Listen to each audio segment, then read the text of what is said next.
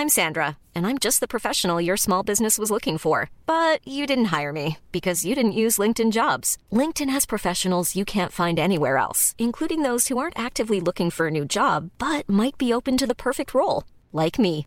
In a given month, over 70% of LinkedIn users don't visit other leading job sites. So if you're not looking on LinkedIn, you'll miss out on great candidates like Sandra. Start hiring professionals like a professional. Post your free job on linkedin.com/people today.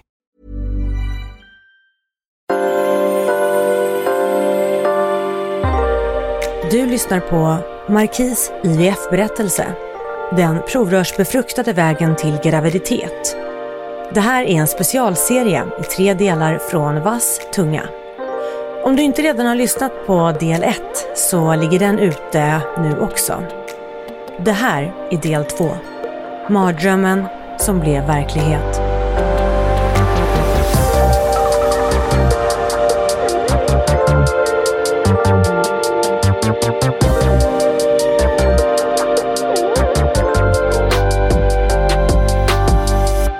Precis satt in en blastocysta och eh, åkt hem med Kevin och ni har haft det trevligt.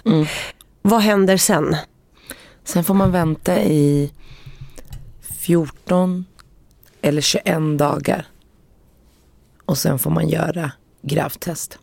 Du fuskade inte och gjorde ett eh, smyg hemma? Jag ville fuska men jag vill inte vara ensam om det skulle bli negativt. Sen ska jag gå och bära på det. Liksom. Och sen så ville jag inte förstöra stunden för oss om det skulle bli positivt. Den helgen när jag ville fuska då skulle vi ha så här henna kväll hemma hos min mamma. Så jag kommer ihåg att jag åkte till min mamma och bara Alltså jag känner att jag har mensvärk, det kommer komma, det kommer inte bli någonting med det här. Och hon bara ta det lugnt, nu fokuserar vi på det här och har den här henna kvällen. Och sen på måndagen efter det så skulle vi testa. Och hur gick det till? Men man hade fått med sig ett gravtest hem. Som man, och så skulle man testa på morgonen. Eh, och jag kommer ihåg att, ja men, du vet, man må, jag bara okej, när klockan var typ sex var jag vaken. Ja, ah, nu är det morgon, nu ska vi testa. Eh, och Kevin var lite så här, okej, okej, okej. Så kom han upp. Eh, och sen så kissade jag på stickan. Och sen så kollade vi tillsammans och så väntade vi på eh, resultatet. Och så visade det sig att vi var gravida. Hur var känslan? Alltså, fy fan vad jag grät. Jag tror jag grät. Alltså jag bara ringde min mamma, jag bara grät och så ringde vi till min mans, alltså till min svärmor och grät och det var liksom bara overkligt att okej, är vi i mål? Har vi liksom, är vi gravida nu? Eh, så jag bara var på moln. Jag var så överlycklig. Alltså man var så lättad. Man var så lycklig. Hela ens kropp och själ bara fylldes med kärlek. Och samtidigt, där, det var ju där liksom första gången man verkligen blev tacksam för att den här hjälpen finns att få. Man bara, det funkar. Det funkar. Och var liksom överlycklig. Och eh, alltså, då är man gravid i vecka fyra då? Ja, det är därför man väntar tror jag 21 dagar för att det ska bli vecka fyra. Så det är ju väldigt tidigt. Och det man gör då, då ringer man till kliniken. Ja, vi har testat nu. Det visar positivt. Och då får man vänta tror jag en vecka eller två veckor och så får man komma dit. Jag kan ha fel på veckorna men en eller två veckor får man vänta. Och sen får man komma dit och då gör man ett ultraljud. Det finns ju inget barn där i. Men man gör ett ultraljud för att se att graviditeten ligger rätt, att den ligger i livmodern så att den inte har lagt sig i någon äggled. Eh, och att det är en graviditet. Eh, så vi, ja men vecka sex kom jag ihåg, då åkte vi liksom sex eller sju in och gjorde det här ultraljudet och då visade det sig, okej, okay, ja men det är en graviditet i livmodern. Och sen under graviditeten, håller de koll på en eller är det som? De, håll, jag vet att vi gjorde något mer ultraljud eh, innan man liksom går över till barnavårds eller mödravårdscentralen. Då gjorde vi ett till ultraljud tror jag, ja men om det var vecka åtta. För då, kunde man, då såg det ut som att det låg ett, ett grodbarn där inne. Det såg inte ut som en människa du vet. Men då kunde man se att det var att det började liksom utvecklas en person där inne. Och då egentligen släpper de en sen efter det. Då skriver man in sig på mödravårdscentralen och så är man helt plötsligt precis som alla andra mammor som blir gravida naturligt. Eh, och då är det ju att man skriver in sig och sen gör man kubb och sen ru, alltså liksom, sen var det bara, då är det som vanligt. Det är ju bara ligget egentligen som man gör med IVF-kliniken men sen så de behöver inte följa det för sen är det ju en vanlig graviditet. Liksom.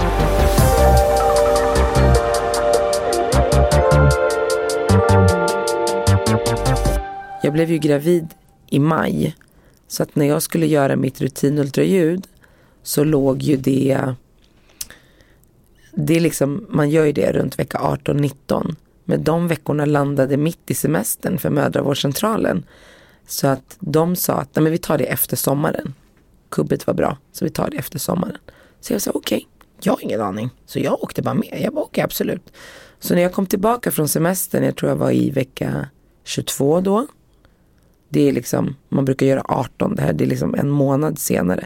Då eh, då när man, det man gör när man gör ett RUL, som är ett rutinultraljud, då går man igenom fostret alltså noggrant. Man kollar hjärna, huvud, form, händer, fötter, hur, långa är, hur lång är lårbenshalsen, alla inre organ. För att från vecka 18 då har liksom allt utvecklats och efter det så växer bara barnet sig tjockare. Liksom. Så okej, okay, och det hade jag ingen aning om. Jag trodde ju så här, men det är kupptestet, då har de ju kollat, everything is just fine. We're happy, let's go lucky, liksom så. Så när jag kommer dit och de börjar kolla så märker jag att efter ett tag så fastnar hon. Eh, och, och försöker, hon börjar leta efter något. Och stämningen börjar bli lite stel i det här rummet och väldigt tyst. Liksom. Eh, och jag bara, är allt okej? Okay? Hon bara, nej, eh, jag måste ringa ett samtal. Jag bara, oh, du vet när man bara känner på sig, det här kommer inte, det här kommer vara, det kommer vara någonting liksom. Och då kunde jag inte ens tänka att det skulle bli vad det blir. Jag tänkte att det skulle vara, ah, jag, jag vet inte ens vad jag tänkte, jag kände bara det kommer vara något och vad ska det vara. Um, så hon ringde och sen kom hon tillbaka och så kollade hon igen och så säger hon att hon kan inte hitta urinblåsan. Och jag bara, inte hitta urin, vad menar du? Hon bara, nej jag kan inte hitta urinblåsan. Ibland, och när jag tittar på njurarna så ser jag att de är väldigt, alltså de är för stora. Och så kan det vara på, på pojkar. Jag bara okej, okay. vi ska ha en pojke, det är en pojke, okej. Okay. Eh, jag bara, jaha vad innebär det då? Hon bara, nej men jag måste skicka er till fostermedicin. Jag bara, okej, okay. vad är fostermedicin? Du vet man har ingen aning, vad fan är det? Nej men du måste skicka till fostermedicin. Jag bara, men vad, vad beror det här på? Vad är det? Vad, vad är innebörden av det som du eventuellt har hittat som är avvikande? Nej men du får ta det med läkaren. Jag bara, eh, okej. Okay. De kommer kalla dig. Jag bara, de kommer kalla mig. Så jag ska bara gå orolig. Ska jag inte åka dit nu? Hon bara, nej men de kommer kalla dig, de kommer kalla dig. Jag har skickat remiss, jag har pratat med dem, de kommer kalla dig. Och sen fick vi typ gå därifrån. Alltså jag kunde inte andas. Jag bara, men va? Du vet, vad, du vet jag bara, vad är det som händer? Eh, så jag var bara, nej jag måste få svar. Jag måste träffa någon annan läkare. Så jag försökte ringa runt, fick inte tid. Så jag bestämt, beslöt mig för att åka till akuten. Så jag och min svärmor åkte till akuten. Och jag vet inte hur många timmar vi satt där. Men till slut fick vi komma in och träffa en läkare. På gyn eller whatever. Och han kollade och han sa precis som henne. Jag kan inte hitta urinblåsan. Och njurarna ser på tok för stora ut. Och du vet, när man sitter där man bara, ah, men vad, kan någon säga till mig vad det betyder? Vad, vad blir konsekvensen av det? Kan det växa till sig? Behöver vi göra någonting nu? Alltså vad ska vi göra? Och till slut, jag bara, alltså jag kommer ihåg bara satt helt tyst och till slut hör jag bara honom säga, för jag var bara chock. Det var som jag zone out. Jag bara var helt uppe i mitt eget huvud. Så hör jag honom säga, ja, så det man nog får göra det är att avbryta graviditeten. Jag bara, avbryta graviditeten? Jag kommer ihåg att jag, jag tittade inte ens på honom. Jag bara la huvudet åt sidan och så viskade jag till min svärmor. Vad menar han med avbryta graviditeten? Vad betyder det? För barnet levde ju. Det var inte som att vi kom dit och det var så här, hjärtat slår inte, det har slutat funka. Utan det var så här, bara avbryta, vad fan snackar han om? Så vi gick ut, vi sa okej, okay. han bara, ja, så att, ja men ni får vänta på den här tiden när ni ska bli kallade av fostermedicin i Huddinge. Jag bara, okej, okay, okej. Okay. Åkte hem, ringde mina föräldrar. Mina, alltså jag har ju stor familj så alla bara slöts upp. Och jag kommer ihåg vi käkade middag. Och man bara gick in och ut och så här, det var nästan, man var bara, det var bara overkligt allting. Och du vet ibland när man får sådana besked och så blir man rädd och så tänker man så här, men vi kommer gå dit imorgon och kommer de säga att det kommer bli bra. För oftast så är det ju, man, blir, man är nöjd i onödan liksom. Så när vi satt och pratade om det och jag har en brorsa som är läkare, vi pratade och pratade så jag sa, men vad, alltså jag kommer ju aldrig döda mitt barn. Jag dör ju hellre själv än att jag skulle döda mitt barn. Eh, och så kom jag ihåg att jag bara grät. Jag bara, alltså, det finns inte på världskartan att jag skulle avbryta. För jag frågade mig vad innebär avbryta graviditet? Han bara, men då, det är som en abort. En sen abort. Jag bara, sen abort? För fan, vi har gått över halva tiden. Det är liksom, det är, jag ser honom där inne och han simmar runt och snurrar. Jag såg honom göra volter idag. Hur kan man avbryta det? Hur kan man bara, det gick inte ihop för mig. Jag kunde inte greppa att det här kunde hända liksom. Eh, och sen dagen efter på morgonen så, jag bara, jag kan inte vänta på dem. Jag måste ringa dem. De måste ge mig en tid idag. Så jag kommer ihåg att jag ringde dem, precis, alltså jag började ringa sju och så var det så här, vi öppnar klockan åtta typ. Jag bara okej. Okay. Så jag satt och väntade, när klockan slog över till åtta så ringde jag. Det var en kvinna som svarade. Jag bara, jag har fått det här, det har skickats en remiss till er. Jag kan inte vänta. Jag är vecka, alltså 22.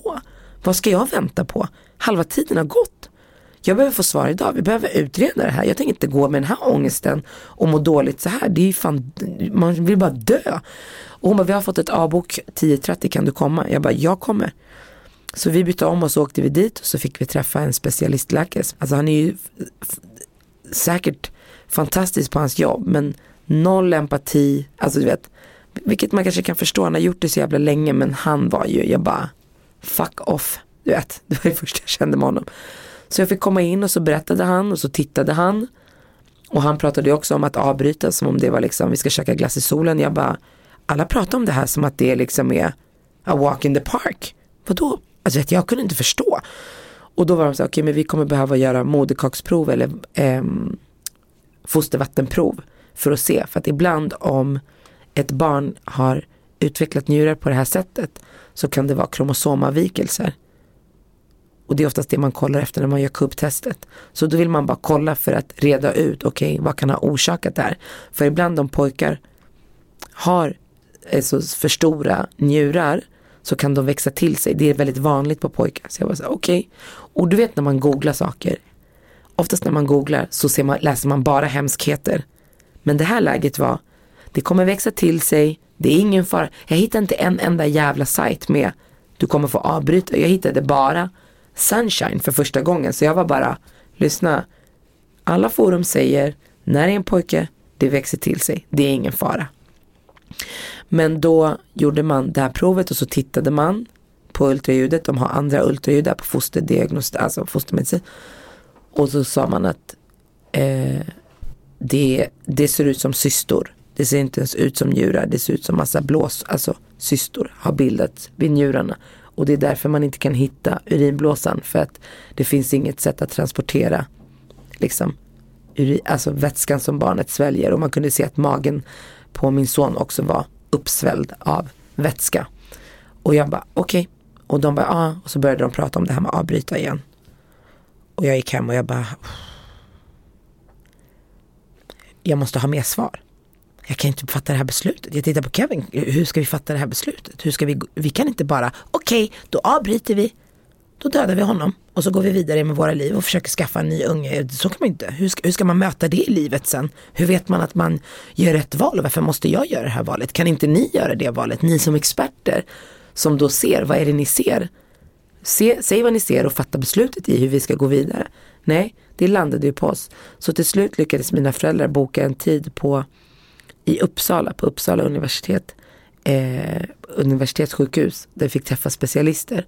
Och där var första gången som jag verkligen, eller som vi verkligen fick svar på vad det innebar, konsekvenser, allting. Och när man hade gjort den här utförliga undersökningen på hela fostret, då, sa, då konstaterade man ju att det här barnet har inga njurar, det här barnet har eh, bara cystor. Och, och om barnet då skulle överleva till vecka 27 i min mage, då skulle man kunna vänta på en njurtransplantation. Men det skulle innebära att först och främst att vi skulle bo på sjukhuset typ i två, tre år för att, liksom, för att få kroppen att funka. Vilket jag kände, ja men det kan jag göra för mitt barn. Det är inte en biggie att, att behöva göra det liksom. Men det som de sa också var i och med att det aldrig har funkat.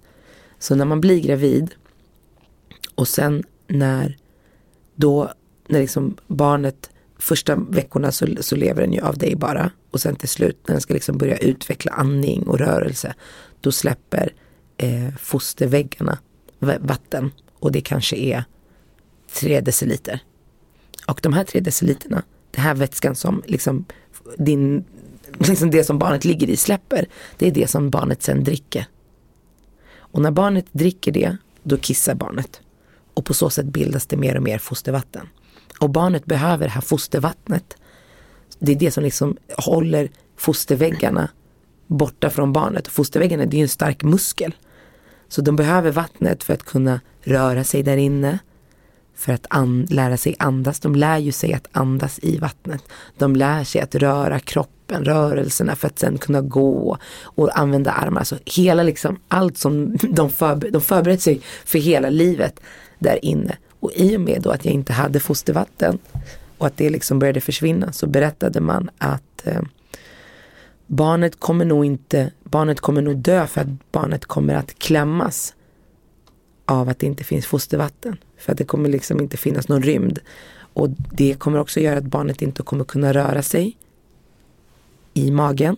Vilket också kommer göra att den inte kommer kunna växa som den ska. Så den kommer få för korta armar, för korta ben. Liksom ett, och de är så mjuka i magen vid de här, alltså när de är här i den här liksom veckan.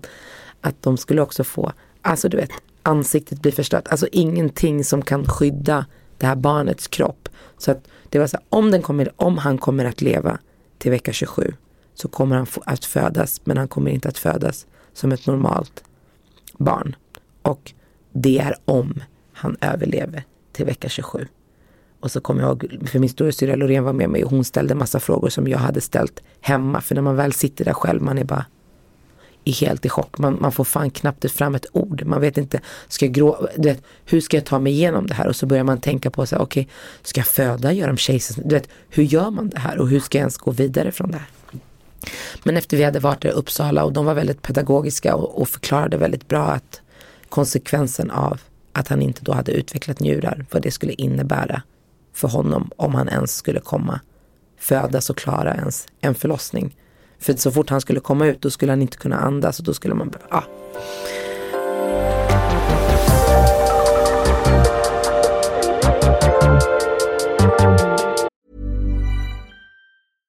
I'm Sandra and I'm just the professional your small business was looking for. But you didn't hire me because you didn't use LinkedIn jobs. LinkedIn has professionals you can't find anywhere else, including those who aren't actively looking for a new job but might be open to the perfect role, like me.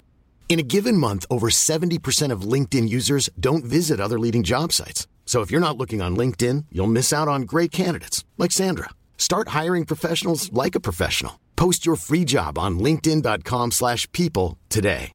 Imagine the softest sheets you've ever felt. Now imagine them getting even softer over time. That's what you'll feel with Bowl and Branch's organic cotton sheets. In a recent customer survey, 96% replied that Bowl and Branch sheets get softer with every wash. Start getting your best night's sleep in these sheets that get softer and softer for years to come. Try their sheets with a 30-night guarantee. Plus, get 15% off your first order at bowlandbranch.com. Code BUTTERY. Exclusions apply. See site for details.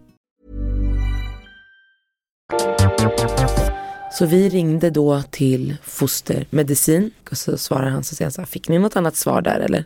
Jag bara, jag bara, vet du vad? Jag ringer dig för att tala om för dig att vi har bestämt oss att vi kommer att avbryta den här graviditeten. För vi har ingen annan utväg än att avbryta den. Ja, det förstår jag. Mm, Okej. Okay. Och så bokade vi en tid. Vi skulle komma dit på, det här var en fredag på måndag tror jag.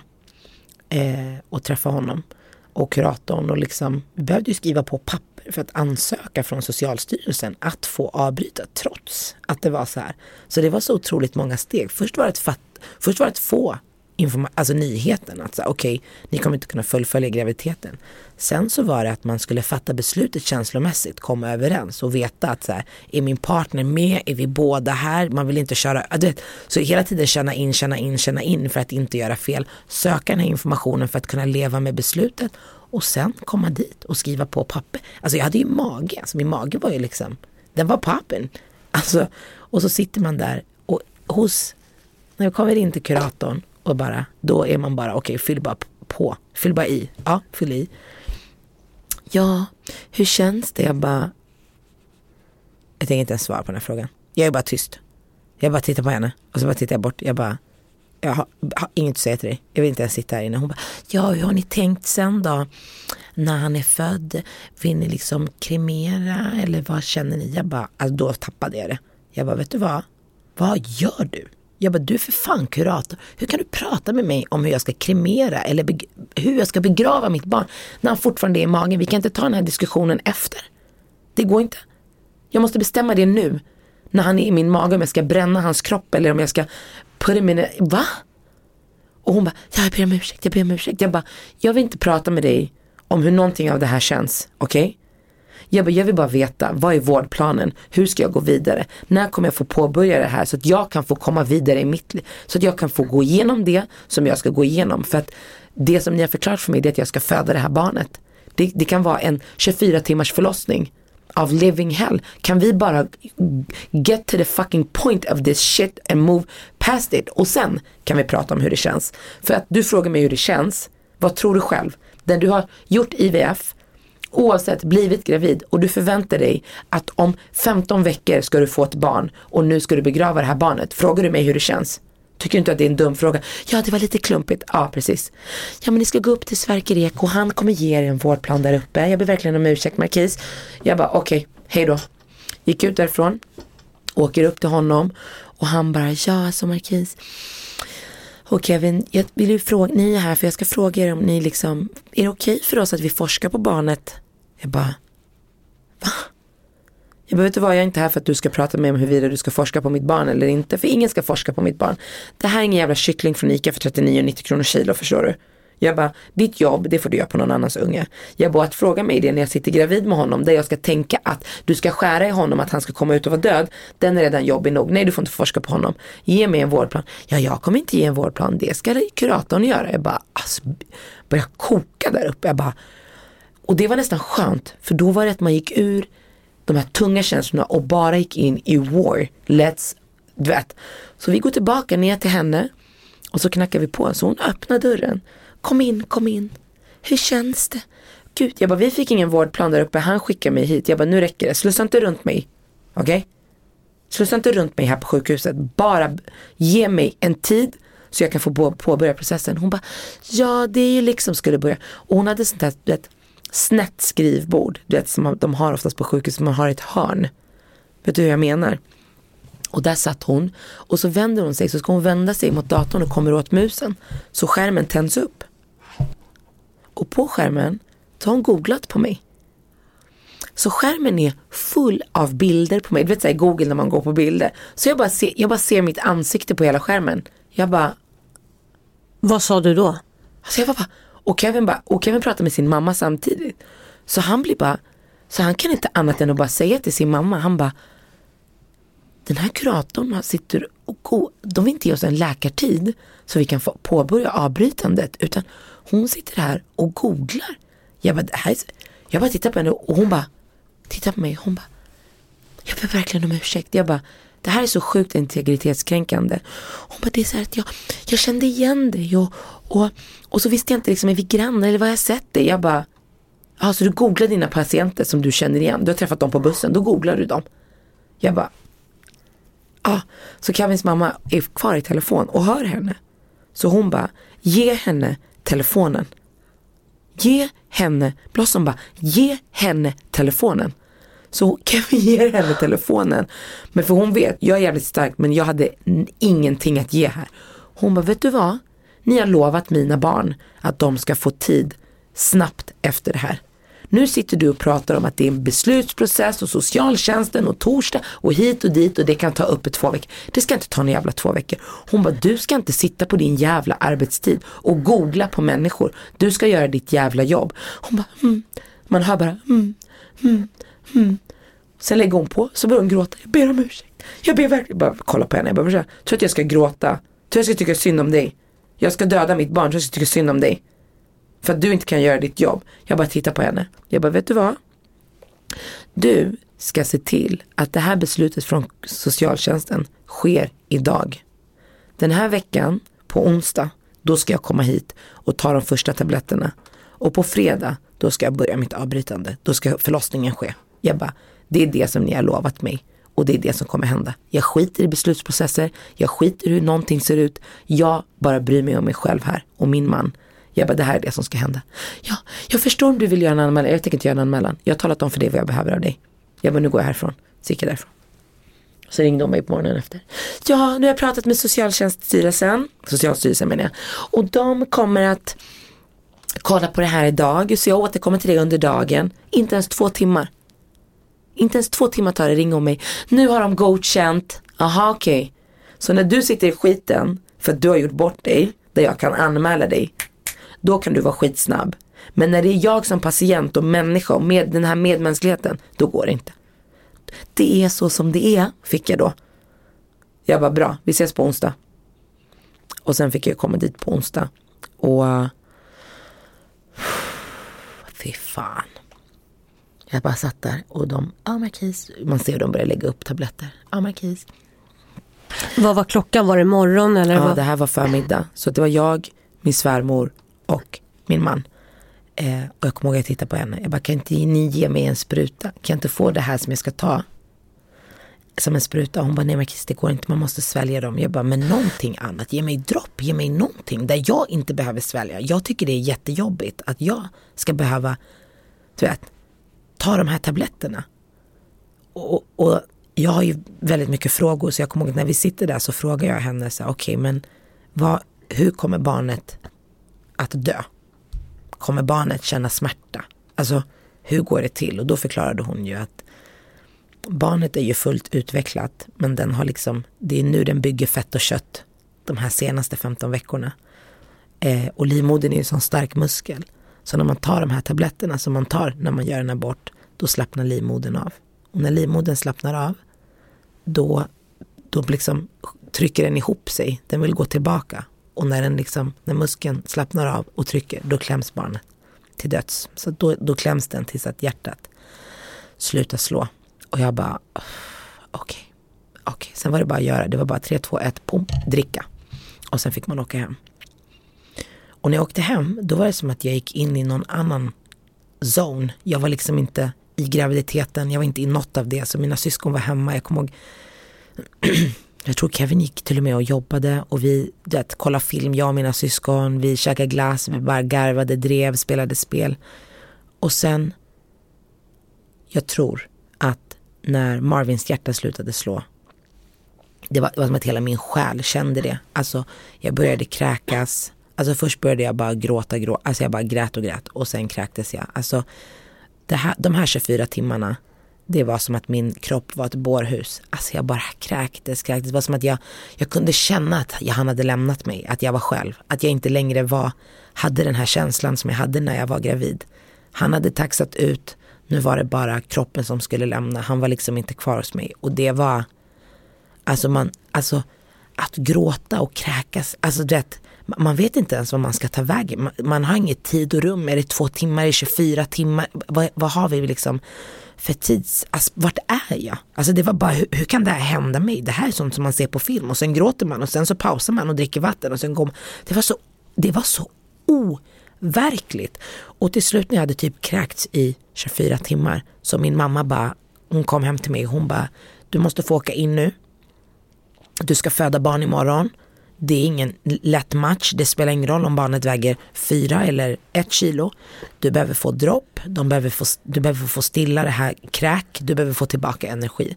Så vi ringer in och så åker vi in. Jag, min mamma kör oss in och sen så åker hon hem och de ger mig dropp och de ger mig något lugnande så att jag bara kan få sova. Och sen klockan sex på morgonen så kom min mamma tillbaka till sjukhuset för hon var ju med under hela processen. Och då, det man gör då, det är att nu ska man sätta igång själva förlossningen. Så då sätter man, kör man upp sådana här piller som man gör vaginalt för att liksom sätta igång. Alltså det tog mig 45 minuter.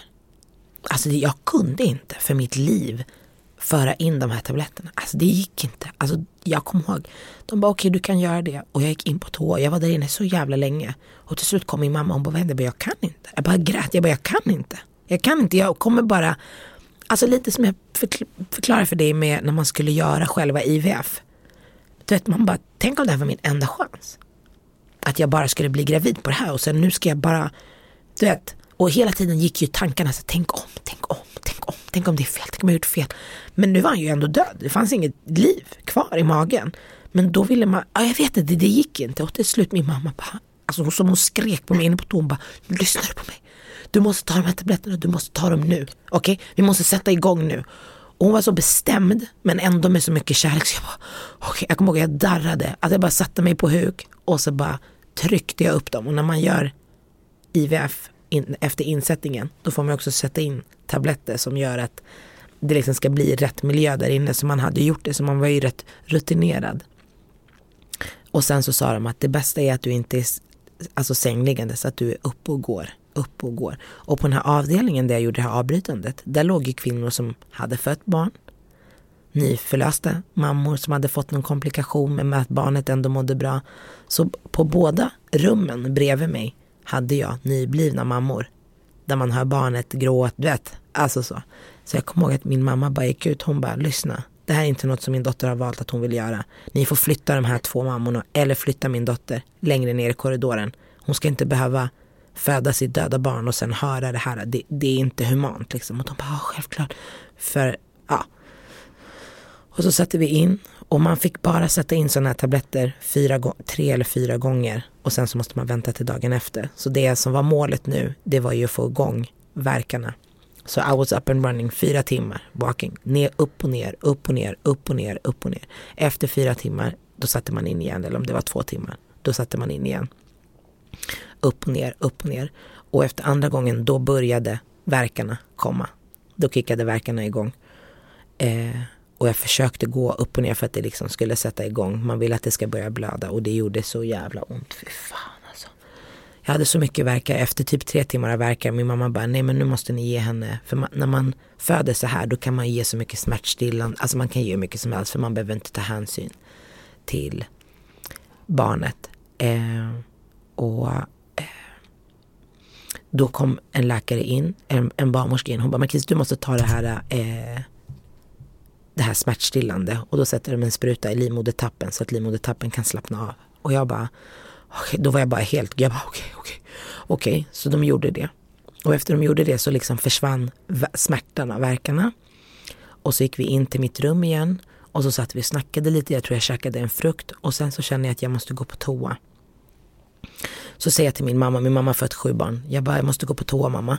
Men min, min, min hjärna samtidigt var så här, jag har inte ens ätit på tre dygn. Jag bara, kräks, vad, vad ska jag gå på toa om?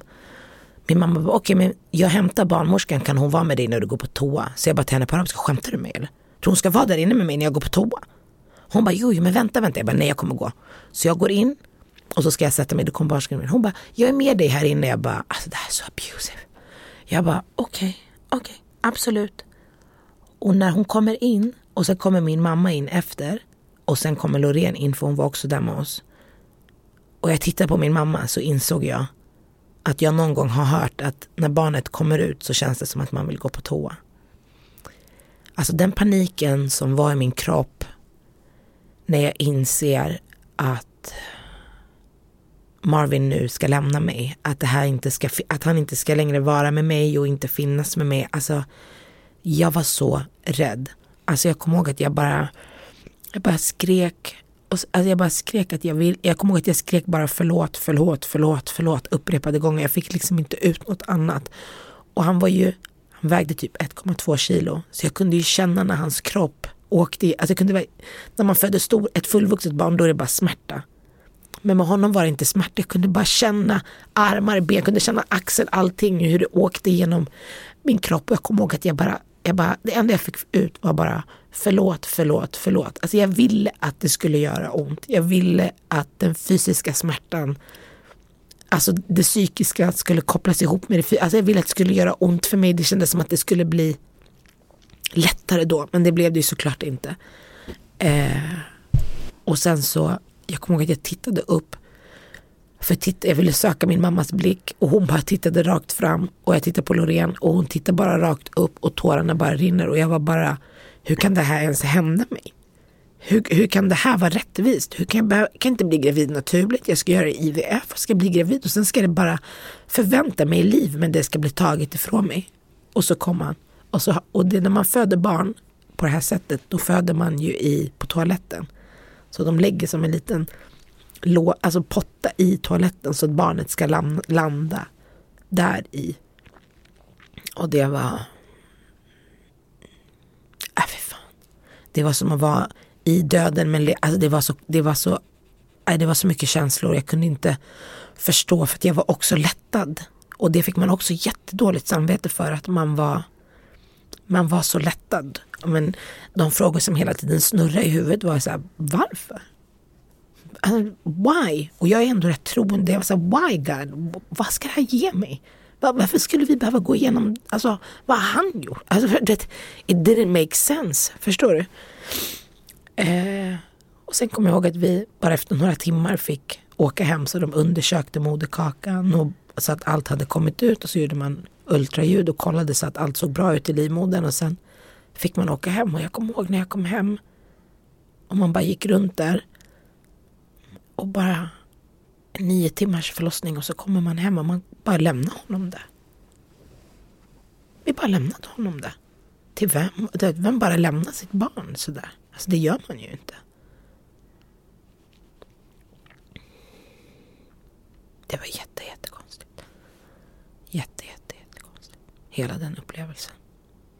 Men idag så inser jag ju hur mycket, alltså han är ju med mig varje dag, självklart i tankarna och sådär men den personen som jag har blivit efter det eh, och hur jag lever mitt liv eh,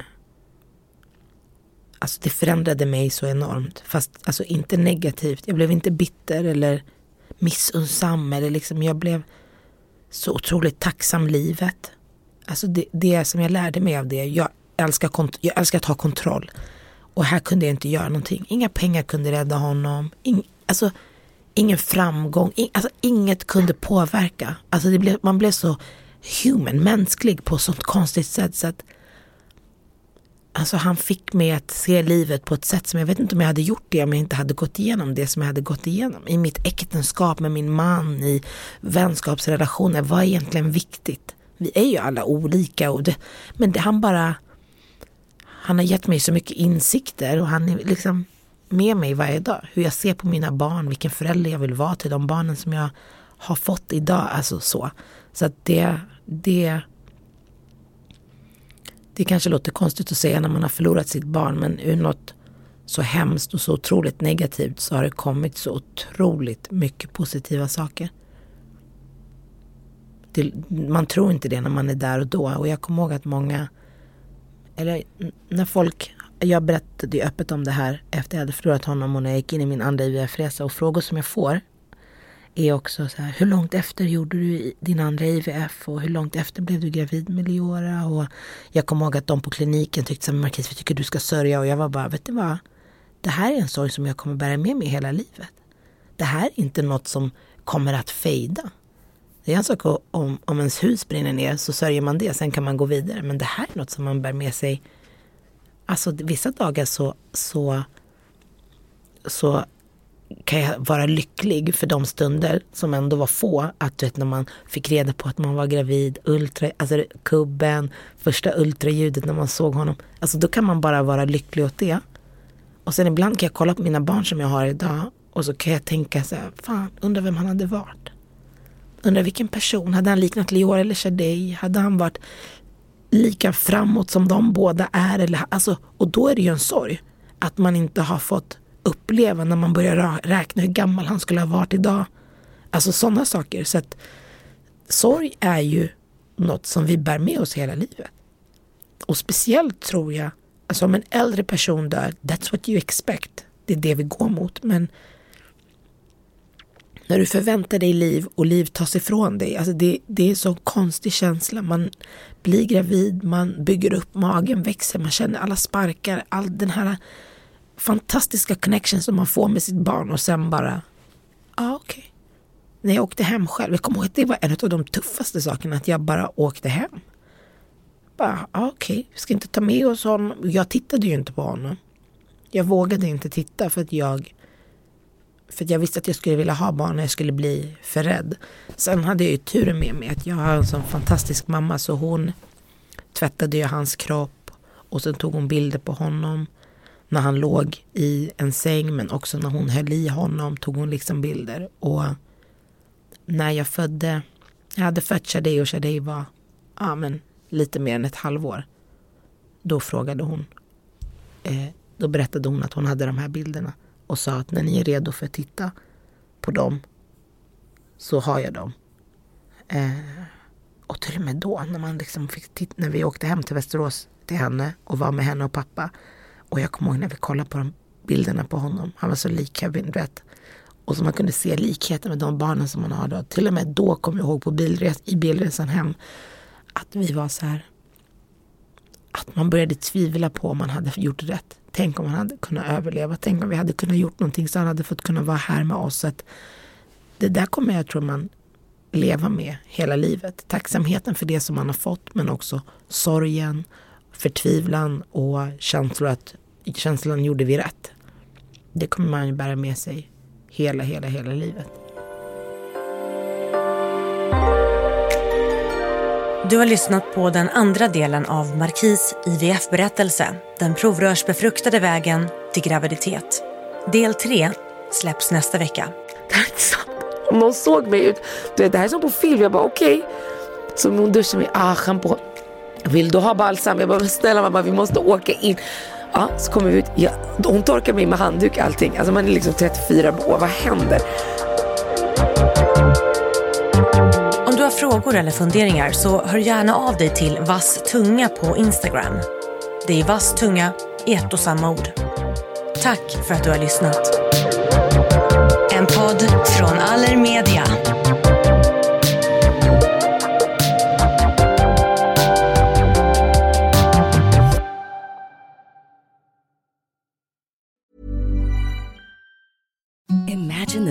Softest sheets you've ever felt. Now imagine them getting even softer over time. That's what you'll feel with Bowl and Branch's organic cotton sheets. In a recent customer survey, 96% replied that Bowl and Branch sheets get softer with every wash. Start getting your best night's sleep in these sheets that get softer and softer for years to come. Try their sheets with a 30-night guarantee. Plus, get 15% off your first order at bowlandbranch.com. Code BUTTERY. Exclusions apply. See site for details. Planning for your next trip? Elevate your travel style with Quince. Quince has all the jet setting essentials you'll want for your next getaway, like European linen, premium luggage options, buttery soft Italian leather bags, and so much more. And is all priced at 50 to 80% less than similar brands. Plus, Quince only works with factories that use safe and ethical manufacturing practices. Pack your bags with high-quality essentials you'll be wearing for vacations to come with Quince. Go to quince.com/pack for free shipping and 365-day returns.